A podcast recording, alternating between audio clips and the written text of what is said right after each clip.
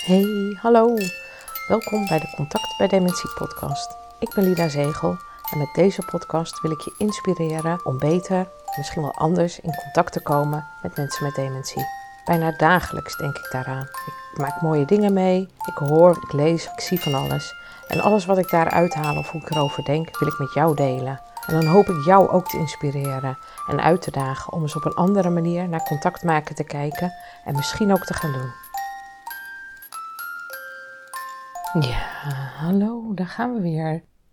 Even kijken, wat zal ik eerst eens doen? Oh ja, ik wou eerst terugkomen op podcast 42. Dat is de podcast die op 17 maart was uh, gepubliceerd. En die heet uh, Je bent niet alleen. En daarin beschreef ik het verhaal van een man die mij benaderde van hoe moet ik dit in vredesnaam doen. Ik luister jouw podcast, ik doe van alles. Hij was in ieder geval heel gretig om, om ja, zo goed mogelijk in contact weer te komen met zijn ouder. En ik kreeg een appje van hem. Jullie weten misschien ook dat ik met hem een uur aan de telefoon heb gezeten of beeld gebeld heb. En allerlei dingen heb uitgelegd en verteld. En vooral ook aangegeven dat het helemaal niet zo gek is wat hij meemaakt en wat hij vindt en wat hij denkt. Zijn reactie wil ik jullie toch eigenlijk ook wel heel graag meegeven.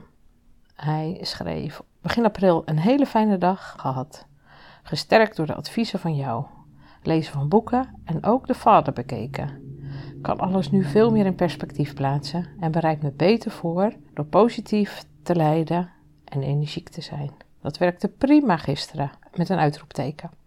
Nou, daar word ik alleen maar heel erg blij van. En dan denk ik van ja, het is zo fijn als je iemand net eventjes dat steuntje in de rug kan geven, dat hij een positieve ervaring gaat hebben. En die positieve ervaring die heeft hij als hij zijn appje eindigt met een uitroepteken. Nou, is het niet meer een jonger iemand? Want je kan je voorstellen dat jongere mensen misschien wel heel veel meer dat gebruiken, maar dat is niet het type daarna. Dus ik vond het heel erg mooi dat het zo afgesloten werd.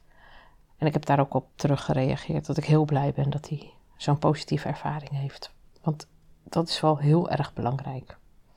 En waarom ik dat nu ook zeg, ook mooi om het terug te koppelen, maar ook omdat er gisteren een opinie op LinkedIn kwam en daar werd, uh, die werd breed gedeeld. Dat was een opinie van Sarah Blom. Die had in de NRC van 5 april iets gezet. Zij is oudere psycholoog en ze zegt: accepteer dat ze anders zijn.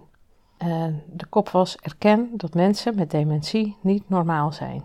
En daar werd toch op gereageerd, afhankelijk ook van wie hem deelde. Of wie hem weer deelde van iemand die hem deelde.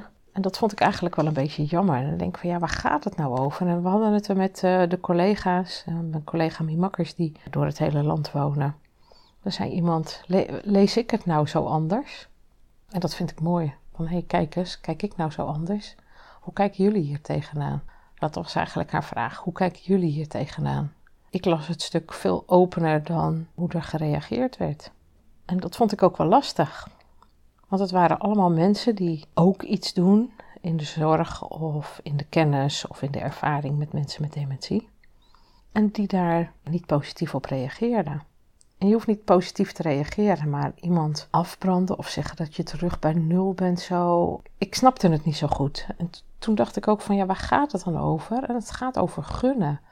Gun je een ander ook dat hij het op zijn manier doet. En, want ik ben ervan overtuigd dat Sarah Blom zeker ook, maar ook die mensen die reageren, allemaal op hun manier mensen met dementie menswaardig willen houden en misschien wel meer maken op het moment dat ze dat niet meer zijn en de omgeving daarbij willen helpen. En hoe kun je mensen menswaardig laten zijn zonder zelf menswaardig te reageren? Ja, dat klinkt misschien een beetje filosofisch, maar dat is wat er door me heen ging. En ook de hulp die ik had geboden, dat kwam er ook wel weer bij. Ja, ik gun het zo enorm dat iemand goed contact heeft. En er werd ook gezegd, je mag er gerust geld voor vragen, want het is ook jouw vak. Je bent er ook tijd mee kwijt. En ik kon dat niet. Ik vond dat lastig. En dat kan ik gelukkig zeggen, omdat ik ook heel veel andere dingen uh, nog doe waar ik ook geld mee verdien. En dat ik in een luxe positie zit, dat ik voldoende geld heb. Dat is klinkt heel banaal, maar daar gaat het uiteindelijk over. Het, is niet, het, gaat niet over mijn boterham. En als ik tijd heb en ik kan iemand helpen, daar word ik, ja, daar word ik heel gelukkig van. En als ik dan zo'n appje terugkrijg en ik zie dat het daadwerkelijk ook effect heeft gehad en invloed heeft gehad, dan denk ik, ja, dat zijn een paar dingen die ik heb aangegeven. Van denk hieraan, denk daaraan, probeer het eens zus, probeer het eens zo. En stap ook gewoon terug. Wees ook niet, ehm, ja, ook al moet je heel ver reizen om bij je ouder te zijn, wees ook niet te angstig om te zeggen van nou dan niet en loop weg. En als je heel ver moet reizen, dan ga je niet naar huis direct, maar dan probeer je even je gedachten te verzetten en op een ander moment op die dag nog weer terug te komen. Maar geef niet te snel op. Bedenk wat er misschien niet goed ging en wat er anders had gekund. En als je dat weet, dan kun je opnieuw dat contact aangaan. Een paar simpele dingen allemaal gezegd. En ik gunde het ook zo enorm dat het kind en de ouder weer gewoon in goed contact met elkaar zouden komen. En dat gunnen is dan wel heel belangrijk. En hoe ik het stuk las, ja, blijkbaar hebben we als mimakkers geleerd om ergens, ja, blanco is misschien een goed woord, leeg, zeggen wij altijd, zo onbevooroordeeld mogelijk in te stappen. En als je zonder vooroordeel uh, leest en kijkt, dan zie je wat anders dan dat je misschien al wel een oordeel hebt. Sowieso goed luisteren en goed lezen is ongelooflijk moeilijk. Dus hoe fijn is het als dan een collega zegt: lees ik het nou zo anders? En ook met vraag van gaat dit nou niet in tegen de filosofie die weer een ander heeft? Ja, dat kan. Maar ik vind dat op zich niet zo erg. Ik vind het heel fijn om van verschillende kanten, naar, ja, op verschillende manieren naar dementie te kijken. En naar mensen met dementie te kijken. En te kijken hoe je daar wat van kan leren of nog wat van kan opsteken. En op het moment dat je zo open staat, dan gun je iedereen ook van alles volgens mij. Daarbij gaat het ook wel over dat het niet altijd even makkelijk is. En het lijkt soms als mensen met mensen met dementie werken, of het is allemaal heel erg verschrikkelijk, of het is allemaal roze geur en maneschijn. Maar dat is het niet. Het is niet altijd van alles het een of het ander. Het loopt allemaal door elkaar heen. En dan ben ik ook wel heel erg benieuwd, zijn er ook momenten dat het fout gaat? En dan denk ik bijvoorbeeld aan Teun Toebes, die in het verpleeghuis woont. En ik vind het heel erg leuk dat hij in beeld komt en hoe hij daarmee omgaat. Toevallig gisteren zag ik een, fragment voorbij komen uit Pointer, waar die, bij die met zijn huisgenoot had, ook weer koffie had gedronken. En dat gaat altijd heel, uh, ja, op een hele positieve en op een prettige manier. En natuurlijk wil je dat ook niet de andere kanten laten zien dat het niet goed gaat of niet prettig is. Maar daar ben ik wel benieuwd naar. Want het lijkt nu net alsof je veel beter in contact bent op het moment dat je in dat verpleeghuis woont. En dat helpt wel. Het helpt zeker de manier waarop je naar mensen kijkt en hoe je ermee omgaat. Maar zijn alle mensen dan zo benaderbaar en werkt het bij iedereen zo? Ik weet in ieder geval dat het voor Ad ongelooflijk fijn is dat Teun er is. Want daar heeft hij echt een maatje aan. En omgekeerd trouwens ook. Maar als het nou niet goed gaat, ja, wat dan? Horen we dat dan? Of zien we dat dan? En weten we dan waar dat door komt? Daar ben ik ook wel benieuwd naar. Maar goed, dat is lastig. Want niet alles gaat altijd even goed. En van de week heb ik ook twee keer weer een opdracht gehad om als mimakker aan het werk te gaan. En één keer was bij een bekende groep die ik al wel kende. Alleen die groepen die veranderen ook omdat er mensen overlijden en er komen nieuwe mensen bij. En daardoor verandert er ook een hele ja, sfeer. De sfeer verandert ook in, in, een, uh, in zo'n woongroep. Wat het in feite is als het kleinschalig wonen is. En dan ben je ook weer aan het zoeken, eh, kan ik bij iemand komen, kan ik niet bij iemand komen, wat vinden ze ervan? En het spectrum van de mimakker, zeg ik altijd, is heel erg breed. Van volledig onnozel. Nou, dat klinkt wel heel erg niet prettig, maar van helemaal geen taal tot nou, bijna volledig talig, net als de ander die je ontmoet. Omdat hij dat op dat moment heel erg nodig heeft, omdat hij ook heel erg talig nog is.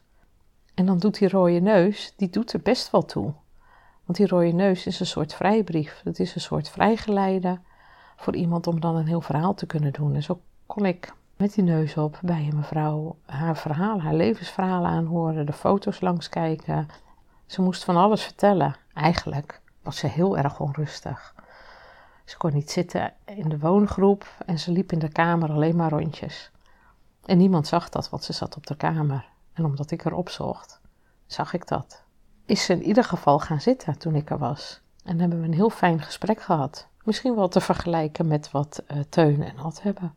Maar in ieder geval, dat zij mij allerlei dingen kon vertellen over wie bij wie hoorde en hoe het was. En dat er pas iemand was overleden. En dat verhaal kon ze ook mooi kwijt. En hoe verdrietig dat ook was. Maar dat, je, ja, dat ze ook wel allemaal ouder worden. Ja, het is fantastisch als je dat zo meemaakt.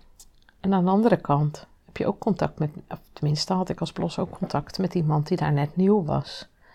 En die snapte nog niet zo heel erg goed wat ze daar nou mee moest. Met die, ja, wat loopt hier nou rond en waarom?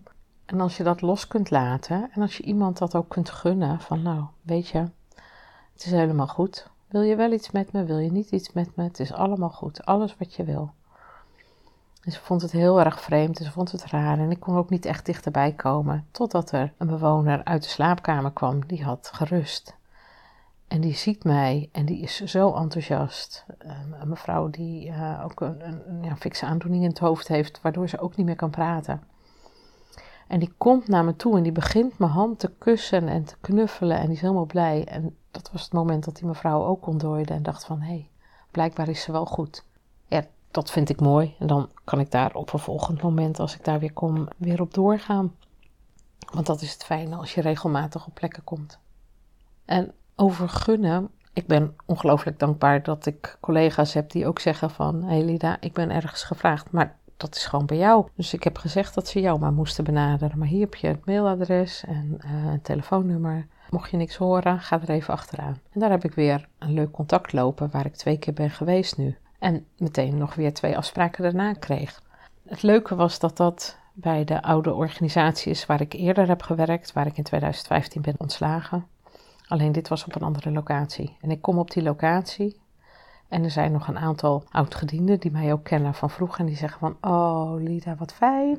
Kom je hier? Oh, wat fijn. Oh, dit is, ja jongens, dit is Lida. Kennen jullie Lida al? Weet jullie wat Lida doet? Ik heb daar echt bij staan huilen toen ik dat de eerste keer zag. Ik, ik vond het zo fantastisch en het is zo fijn voor onze mensen. Nou ja, betere ambassadeurs kan ik niet hebben op, het, op dat moment. En zeker niet als ik daar bij een activiteitenbegeleider zit die mij geboekt heeft en die mij de vorige keer voor het eerst heeft gezien. En helemaal niet zo goed wist wat ze ermee moest. Een clown, ja, het zal allemaal wel. Die zat nu ook te glunderen en te lachen. En ik kwam op een andere afdeling dan dat ik de vorige keer was geweest. Er werd al gezegd van ja, er zit hier ook een jongere mevrouw die vindt dat waarschijnlijk helemaal niks. Dus die zal wel uh, boos reageren. En ik denk ja, ook daar gaat het weer over gunnen.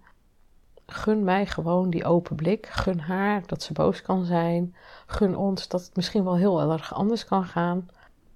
Het werd ook niet als vervelend gebracht, maar meer van nou wees erop eh, bedacht. En dat geeft meteen al aan hoe iemand niet onbevooroordeeld, en dus bevooroordeeld, naar iemand kijkt, naar een ander kijkt. En het mooie was dat ik voor het eerst zonder mondkapje weer op mocht. En toen dacht ik van zonder mondkapje, nou dat vind ik nogal wat. Ik moest wel even wennen ook. En ik loop er naartoe en toen had ik geen mondkapje op, maar ook mijn neus niet. Niemand mist die neus dan. Ik ben wel teruggegaan naar de kleedkamer om mijn neus op te halen. En van begin af aan dat ik binnenkwam, heeft die mevrouw, waar iedereen bang voor was, zo positief op mij gereageerd. En in het spectrum van die mimakker, van volledig non-verbaal naar volledig verbaal, hebben we alle gradaties denk ik wel met elkaar doorgemaakt.